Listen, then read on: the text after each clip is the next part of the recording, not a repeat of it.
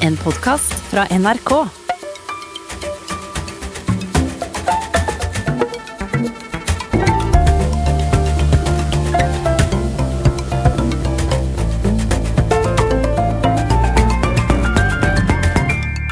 Hjertelig velkommen til en ny sesong med min podkast, som selvfølgelig også da heter Tore Sagens podkast. Det det handler om, er at jeg eh, inviterer mennesker som har noe interessant å fortelle, og snakke med dem, sånn at du slipper å gjøre det. Um, utover det så er det, det er ikke noe hokus pokus med denne podkasten, men det er veldig hyggelig at du har valgt å høre på.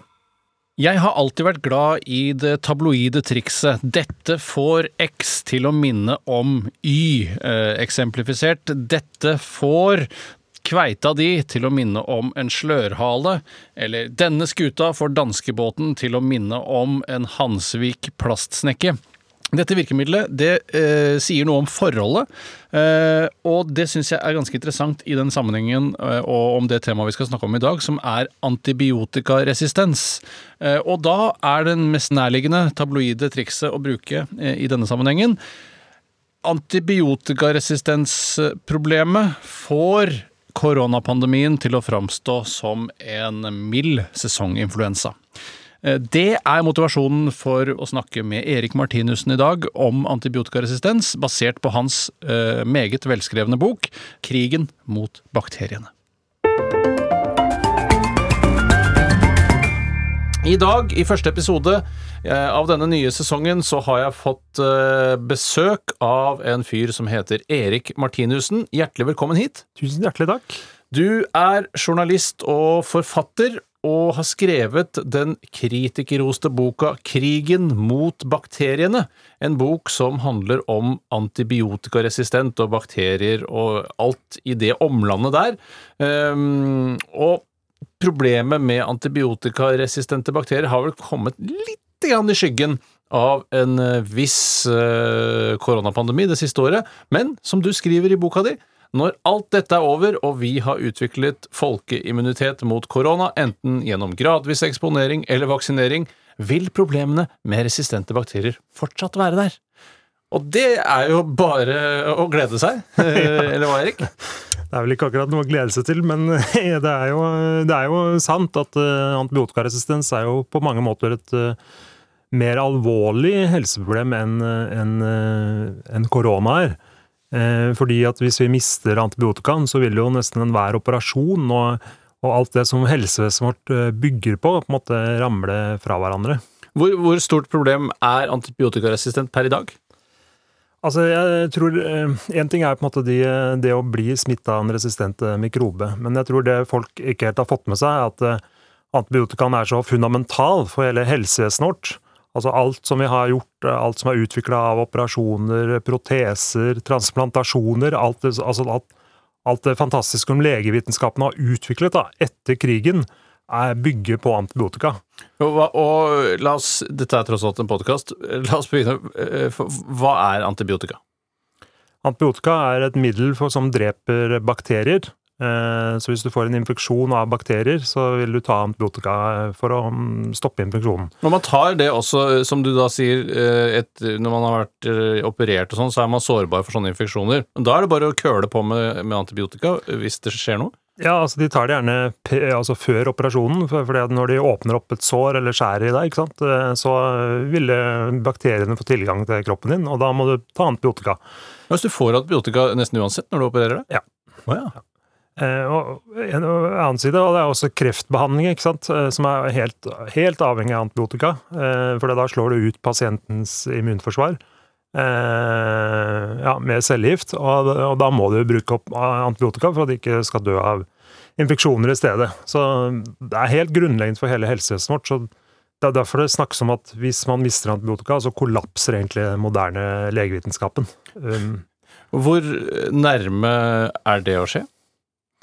Eh, nærmere enn en mange tror. Altså Man snakker om at eh, hvis eh, antibiotikaresistensen får utvikle seg like raskt som det gjør i dag, så, så vil man kunne miste det moderne helsevesenet i 2050. Å ja, så eh, klimaet går til helvete, og man mister det moderne helsevesenet omtrent samtidig? Ja, heldigvis så er det jo eh, eh, skjer jo ikke denne utviklingen er den ikke uunngåelig. Eh, Det er jo på en måte en framskrivning som sier at sånn vil gå hvis vi ikke gjør noe. Men eh, det jobbes jo med å gjøre noe. Både med å utvikle nye antibiotika og beskytte den antibiotikaen vi har. Ja, altså, husk på, Det skulle jo dø eh, nesten 200 000 nordmenn også av korona, men det har ikke skjedd foreløpig, i hvert fall. Eh, så det er jo lov å være litt grann optimistisk eh, også, hvis man skal ta, sammenligne med akkurat det. da. Eh, så antibiotika er noe, eh, og da dreper du bakterier, og jeg vet jo selvfølgelig dette, men det virker ikke på virus, som jo er det problemet vi har akkurat nå om dagen. Nei. Nei, antibiotika dreper bakterier og ikke virus. Og virussykdommer er noe annet igjen, ikke sant. Eh, Da vil du ha en ja, Sånn som spanskesyken var jo en, en virussykdom, eh, helt fram til man utvikla immunitet eh, mot eh, virusene. Eh, Og da døde på en måte denne spanskesykeviruset ut. Eh, Men sånn er det på en måte ikke med resistente bakterier. da, Du kan ikke utvikle immunitet mot de. Eh, Så der er du helt avhengig av å ha medisiner. da. Men alle, alle bakterieinfeksjoner man kan få, finnes det antibiotika mot? Ja. Det gjør det. Og, og det er eh, Jeg har jo lest denne boka som du har skrevet, som jo er en veldig god bok, som heter 'Kampen mot eh, bakteriene'. Og der er det jo eh, mye snakk om mange forskjellige typer antibiotika. Er det eh, bare for å få det klart, er det da én type biotika som funker på én bakterie, og en annen på en annen? Eller hvordan, hvordan, hva er det som skal til? Ja, Det er jo det som er så fantastisk med antibiotika, at du egentlig har eh, medisiner som fungerer mot alle typer bakterieinfeksjoner. Og før, eh, altså hvis vi går tilbake eh, 60-70 år, da, så hadde man jo ikke det. Og da døde jo folk av ja, altså fikk en eh, stakk seg med en rusten spiker i fingeren, så fikk du kunne ende opp med blodforgiftning i verste tilfelle. Mens vi i dag eh, på en måte opplever bakterieinfeksjoner som noe helt ufarlig. Altså det er noe man, eh, man tar noen tabletter, og så blir man frisk igjen.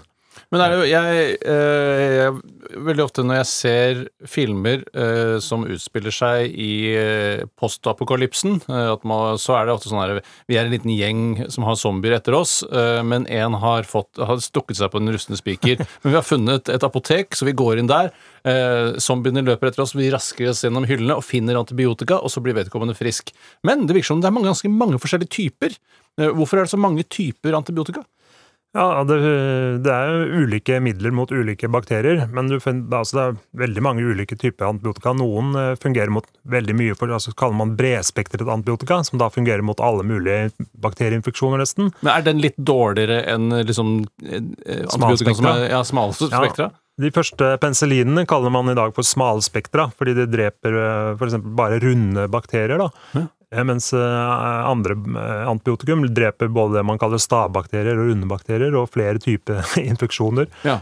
Problemet med det er jo at da utvikler man høyere resistens. Med bredspektra antibiotika da slår det på en måte ut all mye større deler av bakteriefloraen din, og flere bakterier blir utsatt for antibiotika og kan utvikle resistens. da.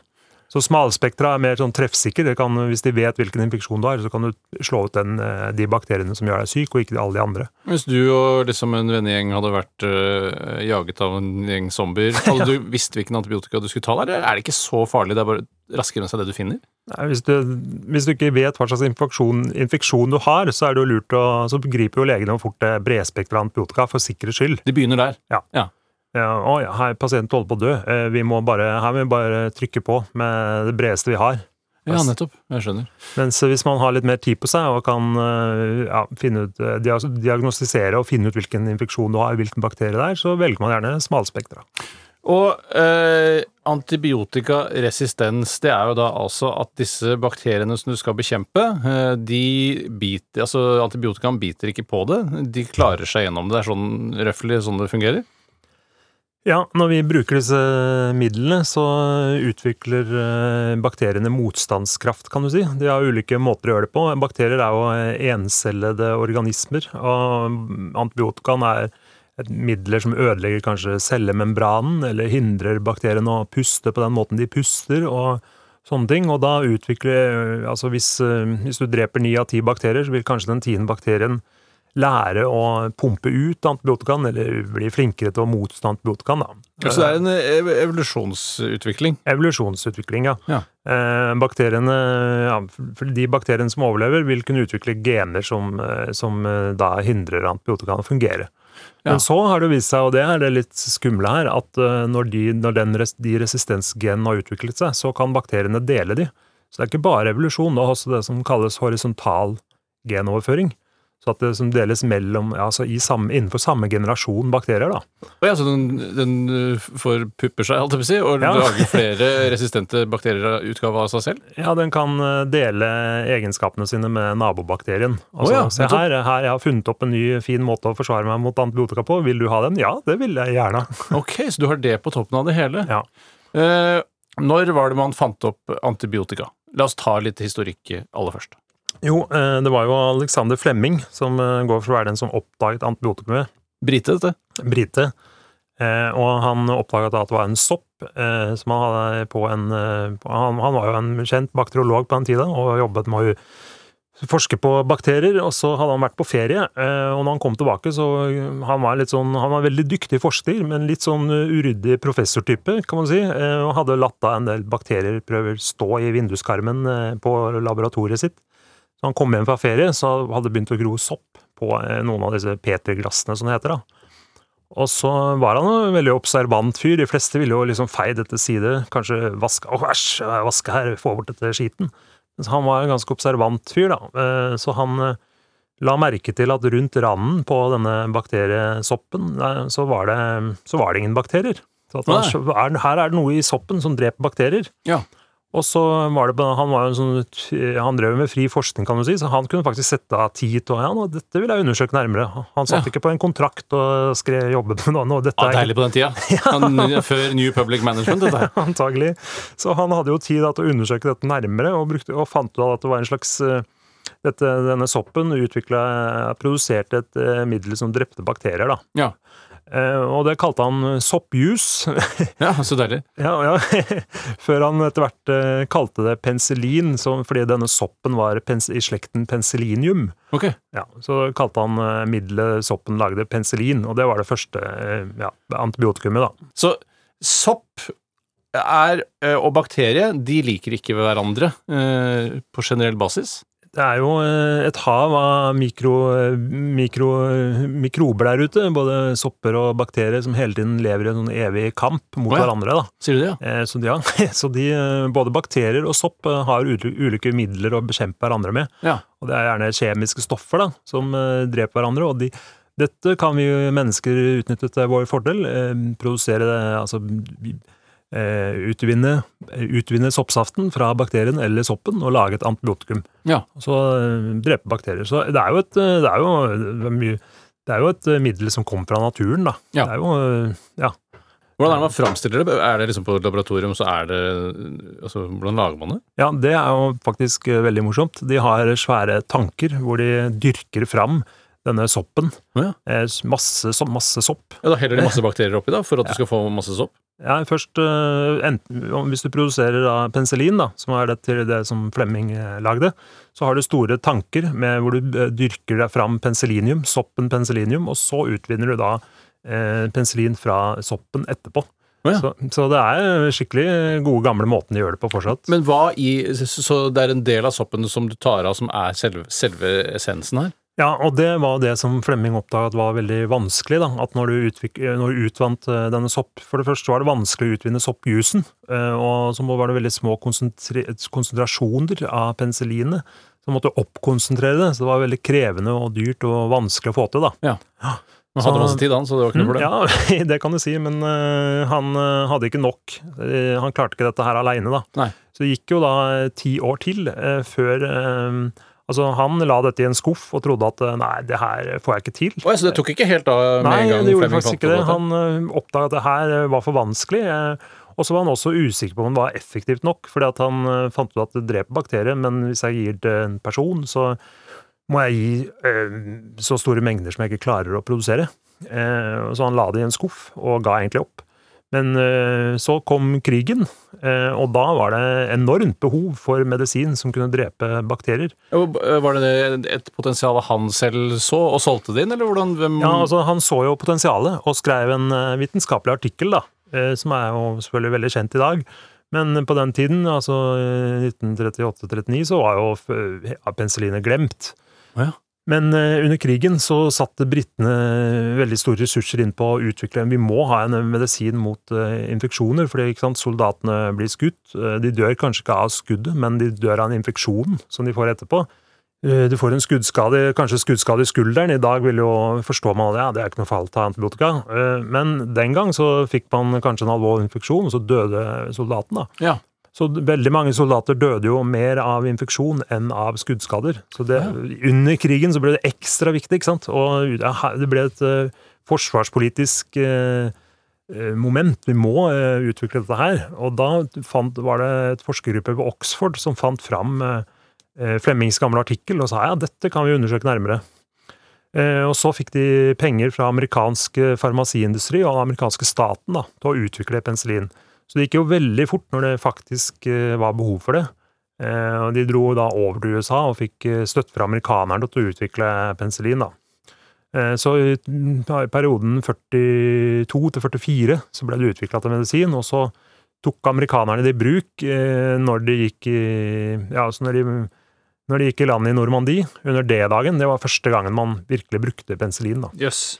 Men tyskerne de hadde ikke noe som ligna engang? Nei, så dette var jo også en veldig stor sånn propagandaseier.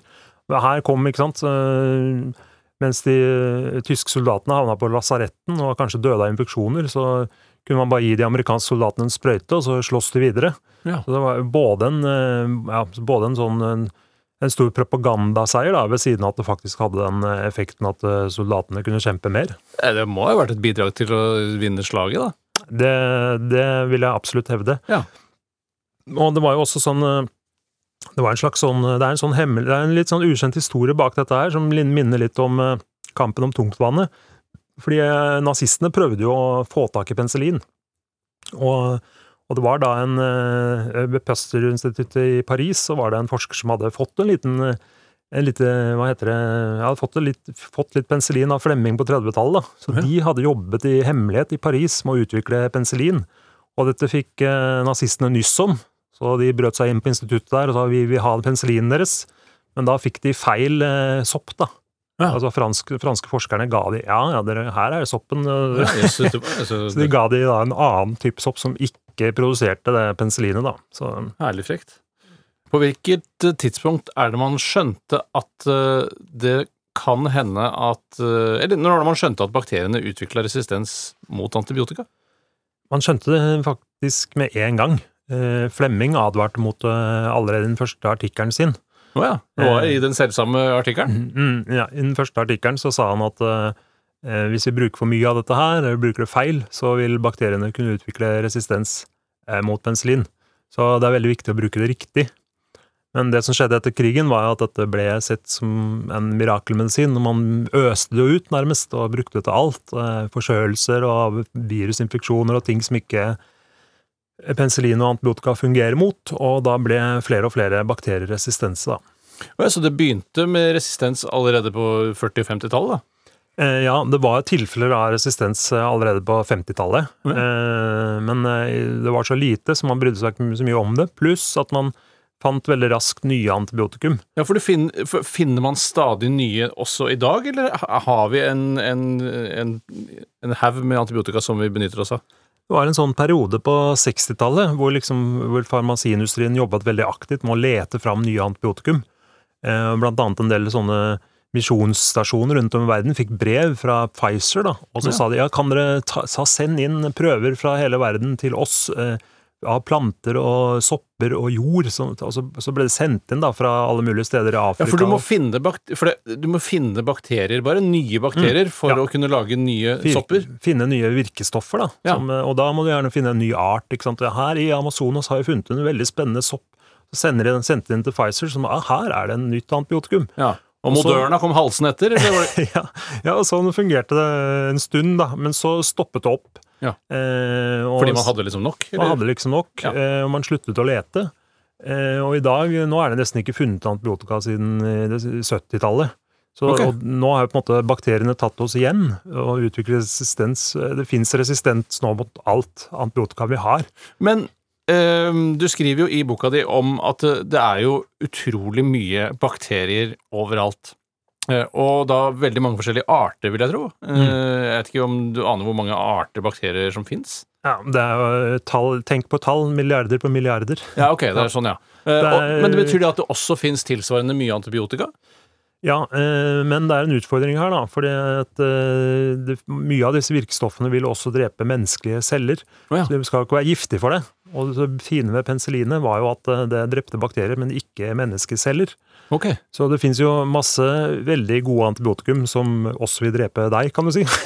Ja, nettopp. Men er, så faktisk dreper meg, eller rekker det å drepe infeksjonen min før det dreper meg? ja, det, du kan gjøre deg veldig, veldig syk, da. Ja, nettopp. Eh, ikke sant? Eh, kanskje Ok, jeg, jeg må klare Ja, det drepte leveren din, så du må ha en levertransplantasjon i tillegg. Ja. Så mm, det blir veldig mye vanskeligere å mm, gjøre deg frisk. Ja.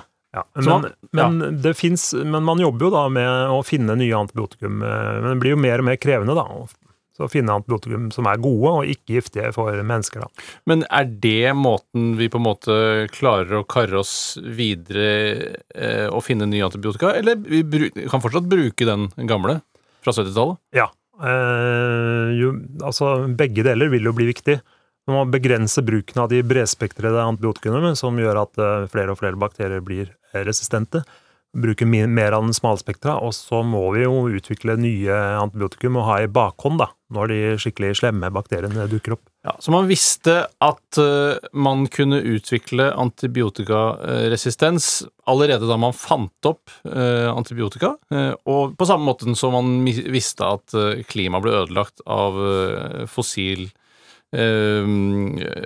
olje og gass allerede på slutten av 70-tallet. Ja, Eh, ja. Så er det egentlig eh, Alt dette her vet vi i forkant. Men eh, hvordan, hvor fort går utviklingen, og hvor langt har utviklingen Når er det liksom eh, Dør det mange millioner mennesker av dette, eller hvordan er det egentlig? Per i dag? Altså, ja, nå er det bare gjort eh, liksom, beregninger som sier at 700 000 mennesker årlig dør av resistente bakterier. Å ja. Men, Eh, men, altså, det, det, som en direkte årsak av resistente bakterier? Ja. ja. Eh, 700 000 dør årlig av resistente bakterier. Eh, og dette, altså framskrivningene sier at eh, 30 millioner mennesker kan dø årlig innen 2050. Men, hører, men du hører nesten ikke noe om det? Nei, man hører lite om det, men, og, og dette er jo da Det vil kunne bli den eh, sykdommen som drar, trær flest menneskeliv innen 30 år. Per i dag, hva er det som er det noe malaria eller noe som Ja, leder? kreft. Kreft. tar mest. Ja. Ja, ok. Eh, Så, mm, eh, men man, det er jo tilbake til normaltilstanden. Altså før krigen ikke sant, så var det jo bakterieinfeksjoner som tok flest menneskeliv. Ja. Eh, Og så har vi levd i en sånn lykkelig periode nå etter krigen. Eh, 60 år hvor det har vært fantastisk, og ingen har blitt syke av, eh, av bakterier. Og så har på en måte bakteriene kommet tilbake og eh, ja, begynt å bli farlige igjen, da. Og dette er et voksende problem også i Norge, hvor, vi alltid er overbeskyttet mot alt. Ja. eh, Det er jo eh, et globalt problem, så selv om vi har vært forsiktige med antibiotika i Norge og har mindre resistens, så sprer de resistente bakteriene seg på tvers av landegrenser. Ja, for man har veldig sånn derre eh, Jeg føler alltid at man eh, får i seg antibiotikaresistente bakterier i Hellas, sånn på, ved bassenget på hotellet eh, Ja, ja. i Hellas. Men er det For det er eh, De bruker mye mer antibiotika andre steder i verden enn i Norge? Ja. Eksempel Hellas. Eh, Hellas og Italia og Spania Ja, de er storsyndere, Hellas. Mm, ja, de går faktisk for å være en slags verstinger, da. Ja. Eh, at de sløser veldig med antibiotika og bruker eh, bredspektra antibiotika uten å trenge det og sånn. Og så har man i tillegg dette problemet at de bruker antibiotika i kjøttproduksjonen som en eh, i praksis vekstfremmer, da. Ja, for dette her må vi også snakke om. Ja. Eh, skal vi komme inn på det nå? Oss først, men, men er Norge Er vi flinke? Ja, Norge er veldig gode på bruk. Vi bruker lite antibiotika både i helsevesenet og ikke minst i kjøttproduksjonen. bruker man nesten ingenting.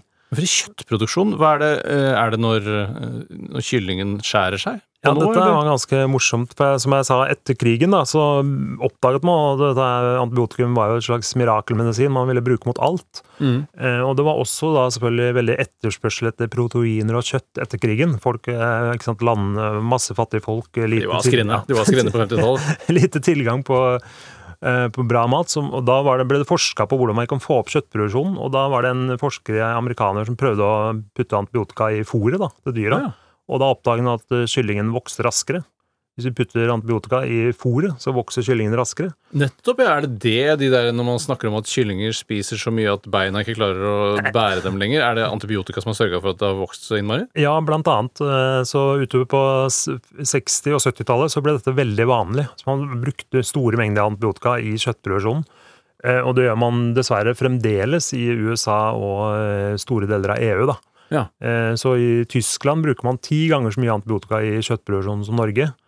Og dette er Eh, kun et rent bare for profitt, eller er det for å holde Er det bra for dyra på noen måte? Argumentasjonen har jo forandret seg. Før så var det fordi at det gjorde at eh, kyllingen vokste raskere. I dag sier man at eh, nei, det er, det er ikke derfor. Det er fordi det skal hindre at dyrene blir syke. Ja. Eh, Så det er preventiv bruk, da. Eh, De, kyllingene står så tett i burene sine, og de, det er så store industri... Altså sykdommene sprer seg, det har vi jo lært under korona. Når du står tett sammen, så sprer sykdommen seg raskere, og sånn er bakterien nå.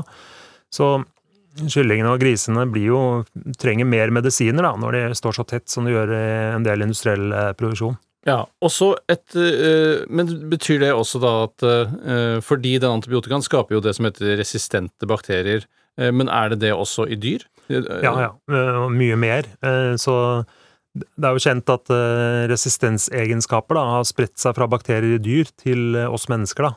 Eh, Blant annet eh, ESBL og noe som heter vankomycin-resistente enterokokker, som er et stort problem i helsevesenet i dag, eh, kommer fra kyllingproduksjon. da. De oppsto først i, i tysk eh, kyllingproduksjon, disse VRE-bakteriene, og så har de spredt seg til mennesker etterpå. Men er det far hvor farlig er det for mennesker, da?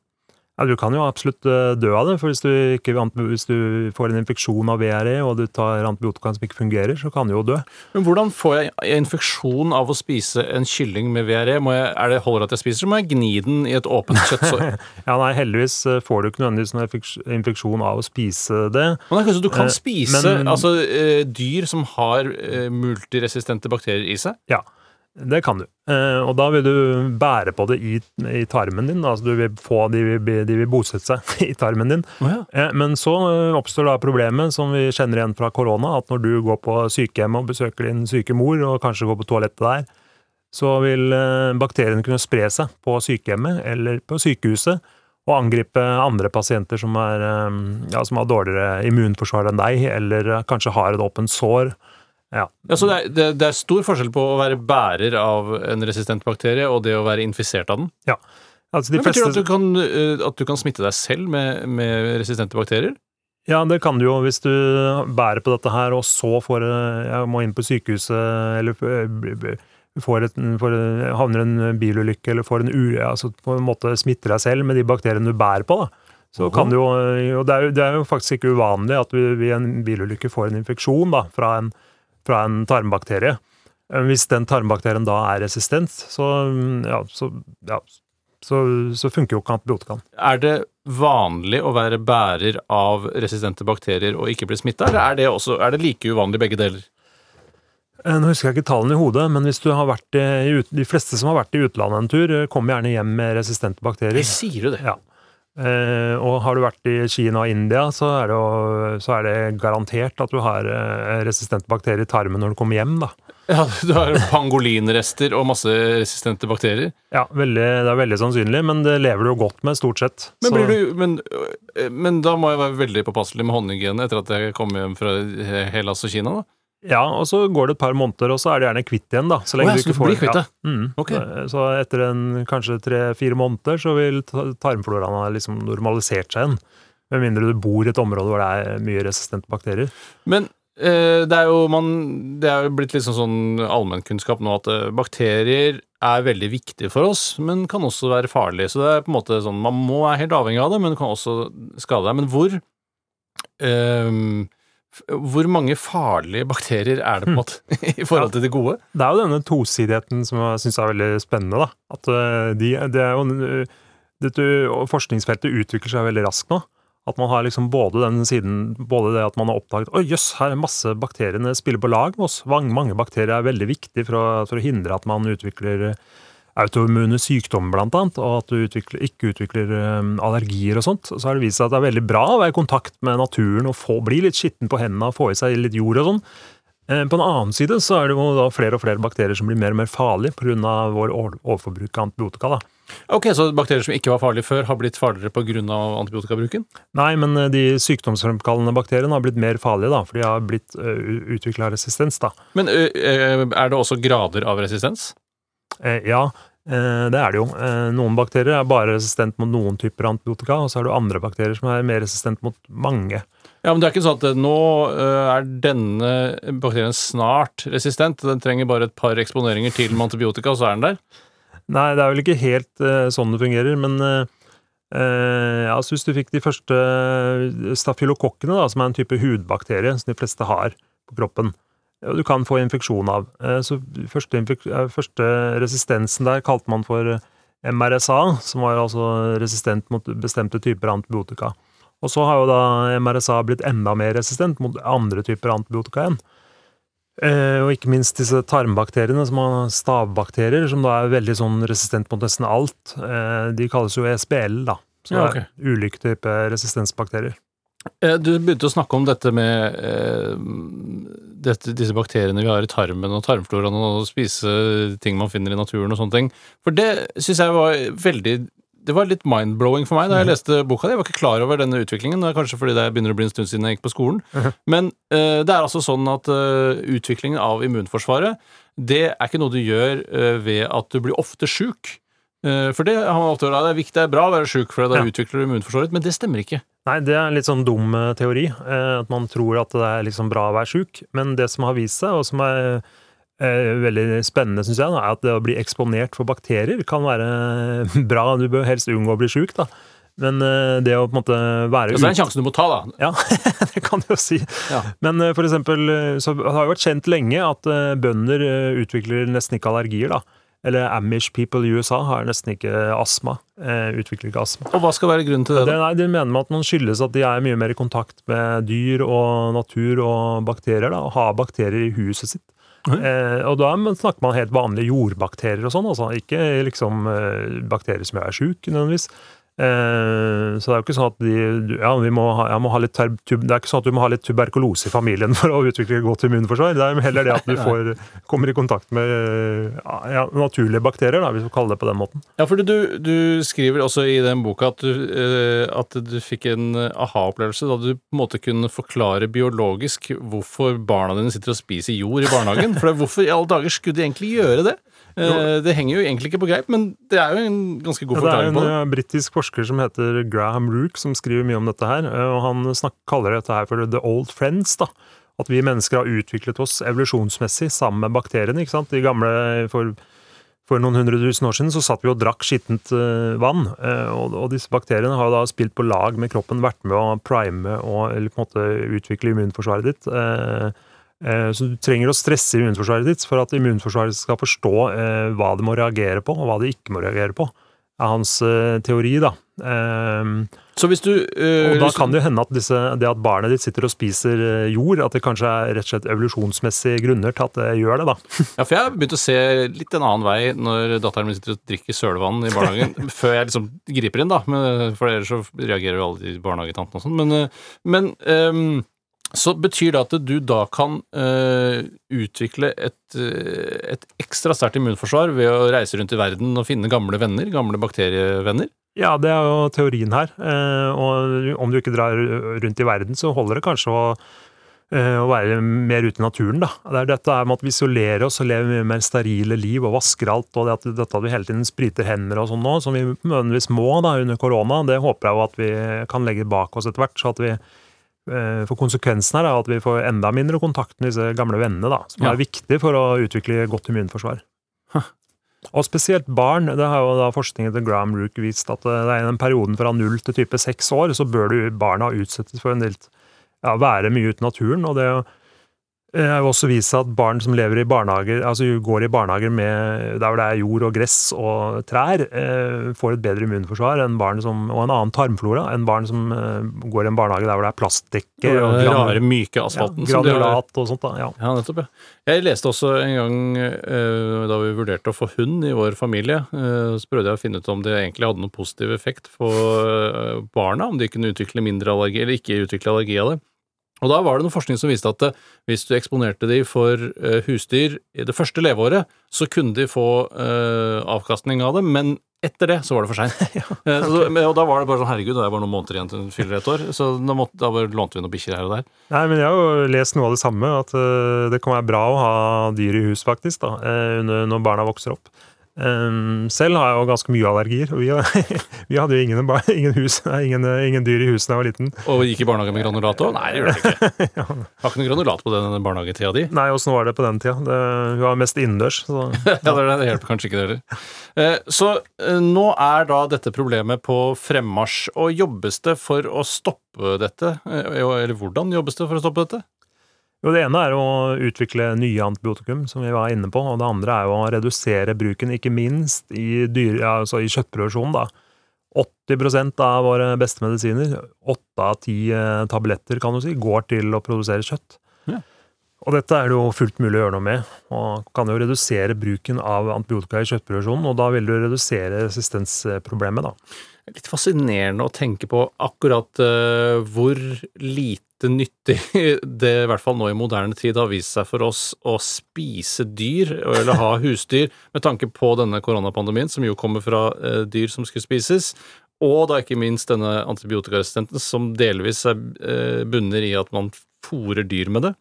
Så, men det, er, det virker ikke som det har fått noe medvind, vegetarbevegelsen, i så veldig stor grad i hvert fall. Det er jo litt her og der, men Nei, det, jeg tenker jo at eh, jeg personlig har nå ikke slutta å spise kjøtt, selv om jeg har skrevet denne boka. Men, og det tenker jeg at norsk kjøttproduksjon f.eks.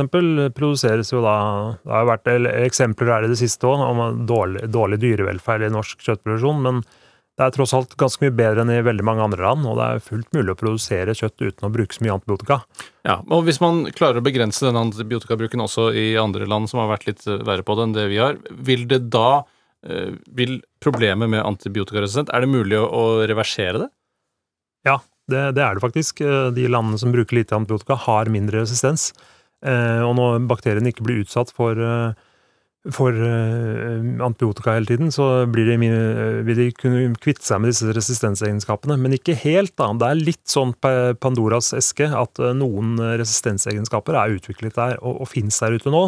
Du blir ikke kvitt de, men færre bakterier vil kanskje disponere for de, da, eller, og, dele, og det, det at de deler den egenskapen, vil også det vil de slutte med hvis, de ikke, hvis man ikke utsetter de for antibiotika hele tiden. da. Ja, så det går an å gjøre antibiotika til en vedvarende løsning på betennelsesbekjempelse i verden? Ja, ja. Eh, og Ja. det er jo et, en grunn, et grunnelement i denne boka er jo at eh, vi må jo bevare antibiotikaen til det vi trenger den til, som jeg sa innledningsvis. Vi trenger jo dette middelet i sykehusene, og når vi skal behandle folk for andre sykdommer og gjøre eh, operasjoner eller transplantasjoner, så vi må jo bevare det til de som virkelig trenger det, og ikke nødvendigvis bruke det for enhver halsbetennelse eller ørebetennelse eller forkjølelse. Ja, nettopp.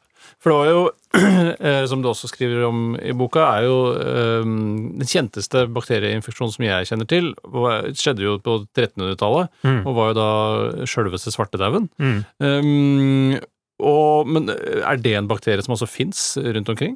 Ja, ja, det er jo Men som vi hele tiden bekjemper med antibiotika? Ja, du har jo hatt utbrudd av pest da, på Madagaskar. Bare i 2017 var det en god del hundre mennesker som døde av pest på Madagaskar. Eh, Og da er det jo antibiotika man må inn med for å bekjempe denne epidemien, da. Ok, så den tar pesten nå. Ja, du Men, har, eh, men, men er det da også en mulighet for at man utvikler resistente eh, svartedauden-bakterier? ja, det har allerede skjedd. Ok, Eh, Så det er jo et veldig alvorlig eh, Veldig alvorlig, selvfølgelig. Så de er i omløp, de Mm. bakteriene? Ja, det fins resistente pestbakterier. Eh, De er jo resistente da mot streptomycin, blant annet, som man har kunnet bruke mot eh, pest. Eh, Så ja. Og det er, har de klart å holde det på Madagaskar, eller er det på vei over til fastlandet? Eh, nei, det har holdt seg på Madagaskar. Men man har funnet med to ulike tilfeller. Man har funnet resistent pest både i Kina og eh, på Madagaskar. Hvorfor sprer det seg ikke? Nei, det kan ha oppstått i, altså, uavhengig av hverandre, da. Ja. Eh, og man veit jo ikke helt hvordan det har skjedd. Eh, hvordan har denne bakterien blitt resistent? Om det er eh, ja, Har den plukka opp et gen fra naturen? Har, den, eh, har det skjedd eh, fordi at man har behandla mennesker for pest. Det er, det er, veldig, det er litt uklart, da. Hva kan være årsaken til at det ikke utvikler seg en epidemi eh, av eh, resistente svartedauden-bakterier? Ja, heldigvis har vi jo svartedauden svartedau eh, godt under kontroll, da. Ja. Eh, men det er klart Så det sprer seg ikke så hissig, den, sånn som Follo-viruset? Nei, det gjør det, det, gjør det ikke. Eh, men, men det er jo veldig alvorlig likevel, og det jobbes nå i Frankrike med å utvikle vaksiner mot pest, da, som har vært okay. veldig vanskelig å, å utvikle. Men hvis du får vaksiner, så slipper du å bruke antibiotika. Så det fins vaksiner også mot bakterieinfeksjoner? Ja, det gjør det jo. Eh, Vi har jo, eh, vi har jo tuberkulosevaksiner. Ja, selvfølgelig. har jo inntil nylig vært en del av vaksinasjonsprogrammet. Jeg er litt usikker på om det er en del av det norske vaksinasjonsprogrammet fortsatt. Men, eh, Fordi det ikke er et problem lenger? Da Fordi tar det ikke ut. er et problem lenger. Men nå er det jo kommet resistente tuberkulosebakterier, da. Så Så det taler jo veldig godt for at vi bør ha det som en del av vaksinasjonsprogrammet fortsatt. Ja, nettopp. Men er du, er du altså, Kvier du deg for å reise til Italia på ferie, liksom? I frykt for å få MRSA, for eksempel? Nei, det gjør jeg ikke, men eh, jeg vil ikke bli lagt inn på sykehus i Italia. Nei. Hvis jeg blir syk, eh, så vil jeg dra hjem så fort som mulig. Jeg skjønner. Ja, for det er et godt poeng, et viktig poeng faktisk, for disse resistente bakteriene har en tendens til å bosette seg i sykehus. da. Ja. Eh, De kaller det for sykehusbakterier. Det må det være forferdelig sted for bakterier å oppholde seg? Er det ikke veldig rent her, da? Jo, absolutt, men nettopp fordi det er et sånn sterilt miljø og mye bruk av antibiotika, så trives jo disse resistente bakteriene på sykehus. Nettopp. Eh, og de, lever i kriker og kroker, og det er veldig vanskelig å bli kvitt dem. Så mm, i, i Spania og Hellas og i Italia så har de all- aller fleste sykehusene disse bakteriene eh, ja, på sykehuset, rett og slett. Um, har du noe tall på hvor mange mennesker som dør av antibiotikaresistente bakterier i Norge? Altså, det er beregninger som sier at 70-80 mennesker dør eh, av eh, resistente bakterier. Ja. Men man har dessverre ikke tall, konkrete tall. Det telles ikke sånn som korona. Det har jo mm, et- poeng da under koronaen var at man det er ofte litt vanskelig å vite hva pasienten dør av. ikke sant? Det er kanskje en 90-åring som ligger inne og allerede har et hjerteproblem. Er det koronaen som dreper han, eller er det hjerteproblemet? Men da, dette har man jo funnet eh, diagnostikk på og har vært veldig gode til å telle i dag. Mens på resistente bakterier har man ikke det. Der er det fortsatt sånn at man ja, men denne pasienten døde ikke han egentlig av eh, Hadde han ikke dårlige lunger? Eh, det er ikke sikkert bare den infeksjonen, ikke sant. Ja, og da tilskrives det aldri eh, bakterieresistens? Ja, Man teller det i hvert fall ikke på samme måten. Man Nei. har ikke tall på det. da. Man har beregninger, så man gjør liksom en, en statistisk beregning. Ja, Vi antar at 70-årige dør. Ja. Så dette overrasker meg veldig når jeg skrev denne boka, da, for jeg prøvde å få tak i tall. Eh, eh, for det telles jo på et vis, men de har ikke god statistikk på det. Eh, Så det er på en måte eh, lys i enden av tunnelen, eh, men gjør man nok nå for at dette skal kunne ordne seg på sikt, eller er det fortsatt i eksponentiell vekst? Nei, det er jo fortsatt i eh, veldig kraftig vekst, ja. Eh, Man eh, har jo ikke god Dette problemet som jeg snakka om, kartlegging, er jo verdens, er jo et problem i hele verden. At man ikke kartlegger det godt nok. Det sprer seg fra sykehus til sykehus, og så gjør man eh, noen statistiske beregninger av hvordan det brer, sprer seg. Man burde jo telle dette helt konkret, eh, og, og smittespore det ordentlig. Og det har man ikke gjort, og så lenge man ikke gjør det, så vil jo det bare vokse. Eh, samtidig så er det, mm, ja, gjøres det altfor lite, bevilges for lite penger til å utvikle ny antibiotika. Eh, og farmasiindustrien har, eh, ja, mm, tjener lite penger på å produsere antibiotika. Da. Så det, Ja. Det jobbes liksom ikke med å øh, Settes ikke av nok ressurser til å utvikle ny antibiotika. Da. Nei. Du skriver også om en annen mulig løsning, eller i hvert fall noe som kan fungere som en løsning, eh, på dette i boka di også. Eh, Og Ja. hva, er, hva er det det går i? Jo, det er jo veldig morsomt. Det er jo virus som dreper bakterier. Ja. Så midt under denne viruspandemien så kan vi begynne å snakke om snille virus, for det fins jo snille virus òg, som dreper slemme bakterier. Ja, det finnes snille virus. Også. Snille virus som vi kaller bakteriofager. Ja. Eh, og disse kan du bruke for å bekjempe slemme bakterier. Da. Og de blir Litt, for litt sånn eh, 80-tallsvibb på det Ja. ordet. Det, var det noe større i gamle dager? Eller var det brukt til noe annet? Nei, eh, det ble brukt eh, før krigen, faktisk. Før man fikk antibiotika, så fantes det bakteriofager. Men da visste man eh, lite om hvordan det fungerte, og man, ja, man visste nesten ikke forskjell på virus og bakterier. så det ble, Noen ganger fungerte det, andre ganger ikke, og så ga man litt opp, og så ble det egentlig glemt, for man fikk antibiotika som var så drepende effektivt.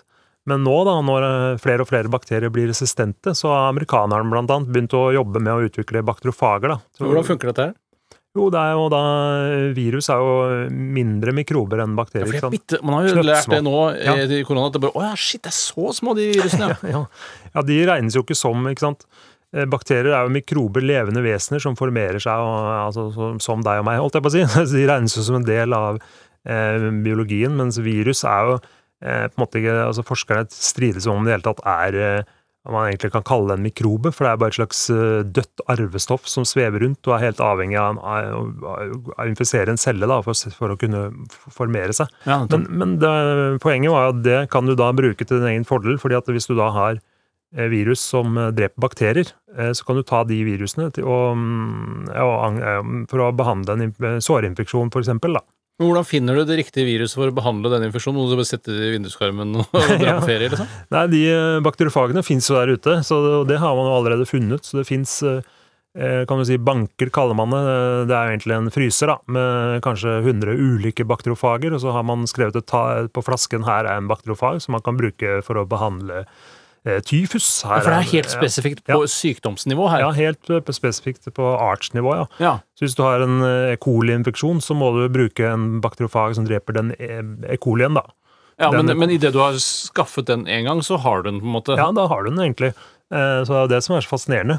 Eh, eh, Men da må, du, da må du også vite, ikke sant, det som vi snakket om innledningsvis her, da må du vite med en gang hva slags infeksjon pasienten har, hvilken bakterie som eh, man har eh, ja, som har forårsaka infeksjonen. da, som har en veldig god diagnostikk med en gang. Mm. Så kan man bruke bakteriofager. Og da dyrker du, i og med at de da invaderer andre ting og på måten å formere seg på, så dyrker du det i selve den bakterien som du skal ha drept? Ja, Det kan du gjøre. Eh, og så kan du legge det på et glass og bruke det når du trenger det, kan du si. Hvor, hvor langt fram har man kommet i denne utviklingen av bakteriofager? Jo, man har kommet eh, ganske langt. Egentlig er det jo en ganske sånn enkel eh, Det er ikke noe sånn rocket science, egentlig. Det er Mm. veldig lett å, å bruke det. Eh, problemet er jo at det er eh, levende virus. da. For det første vanskelig å patentere. Du kan ikke si at dette har jeg funnet opp, for det finnes jo der ute i naturen. Eh, og for det andre så vil jo, du, sant, når du skal kartlegge bivirkninger, er det, kan det, altså Ja. Mm, Først må du ha masse frivillighet og sjekke disse Ja, skal du ja, prøve litt virus mot eh, infeksjonen din. Hvordan spiser du det, eller hvordan er det man Det setter er det? avhengig av hva slags infeksjon du har. Altså, Ja. Selv sett, eh, snakket med pasienter som har fått behandlet sårinfeksjoner. Da. Eh, og da kan du sprøyte det på. Eh, eh, hvis du har et åpent sår for eksempel, som du ikke får behandla med antibiotika, så kan du sprøyte på bakteriofager, og så spiser de opp bakteriene. Så blir du frisk. Men er det når du har en infeksjon i et eh, sår på armen, f.eks., er det da eh, er man sikker på at det bare er én bakterie som har skapt denne infeksjonen? Det, Ja, Stort sett er det det, da. Det er én bakterie som formerer seg i såret. Ja. Og hvis den er resistent, så fortsetter den å forverre seg, ikke sant. Og dette er en metode som ikke på sikt vil lage noe trøbbel for oss, som vi kan se nå i hvert fall? Nei, sannsynligvis ikke. Det er de, eh, bakteriene kan eh, bli resistente mot eh, Utvikle resistens mot bakteriofager også. Okay. Eh, da kan du alltid finne en annen bakteriofag, eller kombinere med eh, antibiotika. Da. Det som også har vist seg, som er interessant, er at når bakterien eh, blir resistent mot bakteriofager, så skrur den ofte av resistensen mot antibiotikaen. Ja, De klarer liksom ikke å ha Yes. ja, Ok, så de kan eh, liksom hjelpe hverandre litt der? ja, de kan hjelpe hverandre litt. Så hvis du bruker det begge deler, eksempel, så har det vist seg å ha effekt, da. Ok, eh, og, Men kan man få bakteriofagbehandling på et norsk sykehus, liksom? Nei, dessverre. Eh, Det er jo, det er jo en sånn siste I dag så regnes det jo ikke som medisin, så, i og med at det er levende virus. Så det er en sånn Man kan bruke det som en sånn siste mulighet. Hvis alt annet svikter, så kan du søke om å få lov å bruke det, da. Ok, Så det er eh, teknologi og personell til å kunne drive bakteriofagbehandling i Norge? Eller må du reise sånn til USA og sånn? Sannsynligvis må du reise, for det er Ja. så lite kunnskap om det i Norge. Men eh, amerikanerne jobber med det, og så har du disse landene som brukte det før. eh, Polen og Georgia. Eh, Foregangslandene der på bakteriefag? Ja, de, eh, sant, når penicillinen kom i bruk i Vesten, så hadde ikke penicillin bak eh, jernteppet. Så i tidligere Sovjet så brukte de bakteriofager eh, mye lenger, da. til langt ut på 1980-tallet. Ja. Eh, Så der ble liksom kunnskapen bevart. eh, Og så etter at man har fått resistente bakterier i Vesten, så har kunnskapen liksom kommet tilbake til Vesten igjen, da. Så mm. En interessant side av dette var jo at eh, de var litt sånn eh, De hadde et sånt institutt da nede i Tbilisi i Georgia, som da var en del av Sovjet, som liksom utvikla bakteriofager og sendte rundt i hele Sovjet. da, Et sånt distribusjonssystem. Oh ja. Det var ordentlig organisert. Ja, ordentlig organisert, men typisk sånn eh, planøkonomisk, ikke sant. Her er ja, alt Prøvene sendes til eh, Tbilisi, og der produseres sånn og sånn. Så sender vi ut der og der. Eh, Så det et veldig sånn sentralt eh, organisert system, da. Og som selvfølgelig kanskje rundt Stalins fødeby også. ja, kanskje vanskeligere å få til eh, i en, i en sånn markedsøkonomi som vi har, da. Ja, Så du sier at dette er sosialismens antibiotika? På en måte er det jo det, for det, som, jeg, som jeg sa, så går det ikke an å patentere det, så det er vanskelig å tjene penger eh, på å selge, for eksempel. Ja. Men det er selskaper i USA som jobber med det, ja, for det, du må jo diagnostisere veldig raskt. Og Ja. den, den teknologien er jo ny, og den kan jo patentere. Så der kan du tjene penger, og så Ja. kommer Og bakteriofagene du da har banken med de riktige medisinene, så kan du selge de da. Ja, ok. Men jeg syns jo da på en måte at jeg, jeg, jeg ble bekymra når jeg leste boka di, men jeg syns på en måte det, du avdramatiserer det ganske greit her. Er, er, hvor stort problem er antibiotikaresistens, da? Jo, det som står på spill, er jo som sagt hele helsevesenet vårt. Eh, Altså, at, innsatsen er veldig stor, Ja. men det er ikke noe automatikk at dette her går gærent. eh, Nei, altså, det, det var Eller det er det jo gjør Det noe. Fantes jo sivilisasjon før antibiotikaen. Ja. Men det var så mye sånn derre Jeg orker ikke at liksom ja, De fire første ungene mine daua, men femte klarte seg. Det er så mye, den, jeg vil ikke tilbake til den tida der. Nei, men livet blir vanskeligere uten antibiotika, da, for å si det sånn. Eh, Og det som vi snakker så mye om nå, at hvis veldig mange blir syke av korona, så, altså, så brister helsevesenet sammen, at du ikke får eh, har kapasitet nok. Det samme gjelder jo for antibiotika, eh, resistente bakterier. At hvis, eh, ja, hvis flere og flere ikke kan behandle seg selv hjemme med tabletter, og du blir liggende månedsvis på sykehus eh, for en enkel halsbetennelse som utvikler seg til noe verre, eh, så, blir jo, så brister på en kapasiteten til helsevesenet. da. Det er jo ikke bygd for at alle skal ligge inne i månedsvis. Eh, Og sånn som det var sant, før krigen, når folk lå på sanatorium eh, for behandling av tuberkulose. Eh, Vi vil ikke tilbake til det. Nei, nettopp. Men du har jo en ganske interessant fun fact i, i boka di, som, og det var hvor mye bakterier det er i tarmen. Ja. Og det er ca. en kilo. ja, ja. Det, det er er jo flere, det er jo flere, flere bakterier i kroppen enn det er menneskelige celler. Så Ja. du bærer på flere bakterier enn egne celler. Men hvordan jeg skjønner ikke hvor liksom, hvordan kan det hjelpe liksom, å vaske seg på hendene da? Det er, hvis det bare er bakterier i lufta hele tiden og klistrer seg Det kan være snille Nei, og slemme eh, bakterier. Det er jo fordi at eh, vi lever i et eh, storsamfunn hvor vi er i kontakt med mennesker hele tiden, og du kan få sykdomsfremkallende virus, sykdomsfremkallende bakterier på deg. Så det er viktig å holde å vaske seg på hendene og ikke, ikke få disse bakteriene. Men så er det masse andre bakterier. da. Hvis du f.eks. er ute i skogen, så er det ikke sikkert det er like viktig å holde, å holde på på den måten. da. Nei, så andre mennesker er en større trussel enn en bakken. Ja, faktisk. For det er jo der de sykdomsfremkallende bakteriene lever, da. Hvis vi skal oppsummere da, Erik Martinussen øh, det, Du tror det kommer til å gå bra, men det er noe man skal være veldig på vakt mot, dette med antibiotikaresistens. Øh, Men det, det virker jo ganske lovende, ut fra hva du forteller. Ja, jeg er optimist. Jeg tror vi kommer til å løse dette her, men eh, det er klart det kan bli en eh, ganske strevsom periode før det er løst. Ja, Og så er det jo ikke det som får maks fokus akkurat nå, men det er jo lov å håpe at kanskje det kommer litt tilbake igjen når koronaen er over. Jeg har jo snakket med noen av disse ekspertene, sier liksom prøv prøv å ikke bli syk de neste 20 årene. ok. Men da, etter det, så da Etter det så kanskje vi får nye antibiotikum, og så kanskje dette løser seg igjen. Det er jo vår alderdom, så det, sånn sett virker det litt lovende. Ja, det var en annen kamerat av meg som sa, eh, når jeg sa at jeg skrev om dette her, sa han ja, det er jo dette vi kommer til å dø av, sa han. Så Ja. Mm. ja, nettopp. fint at du skriver om det. Men eh, Erik, eh, veldig hyggelig å ha deg på besøk her i podkasten, og takk for at du fortalte oss eh, om dette. Veldig hyggelig å komme.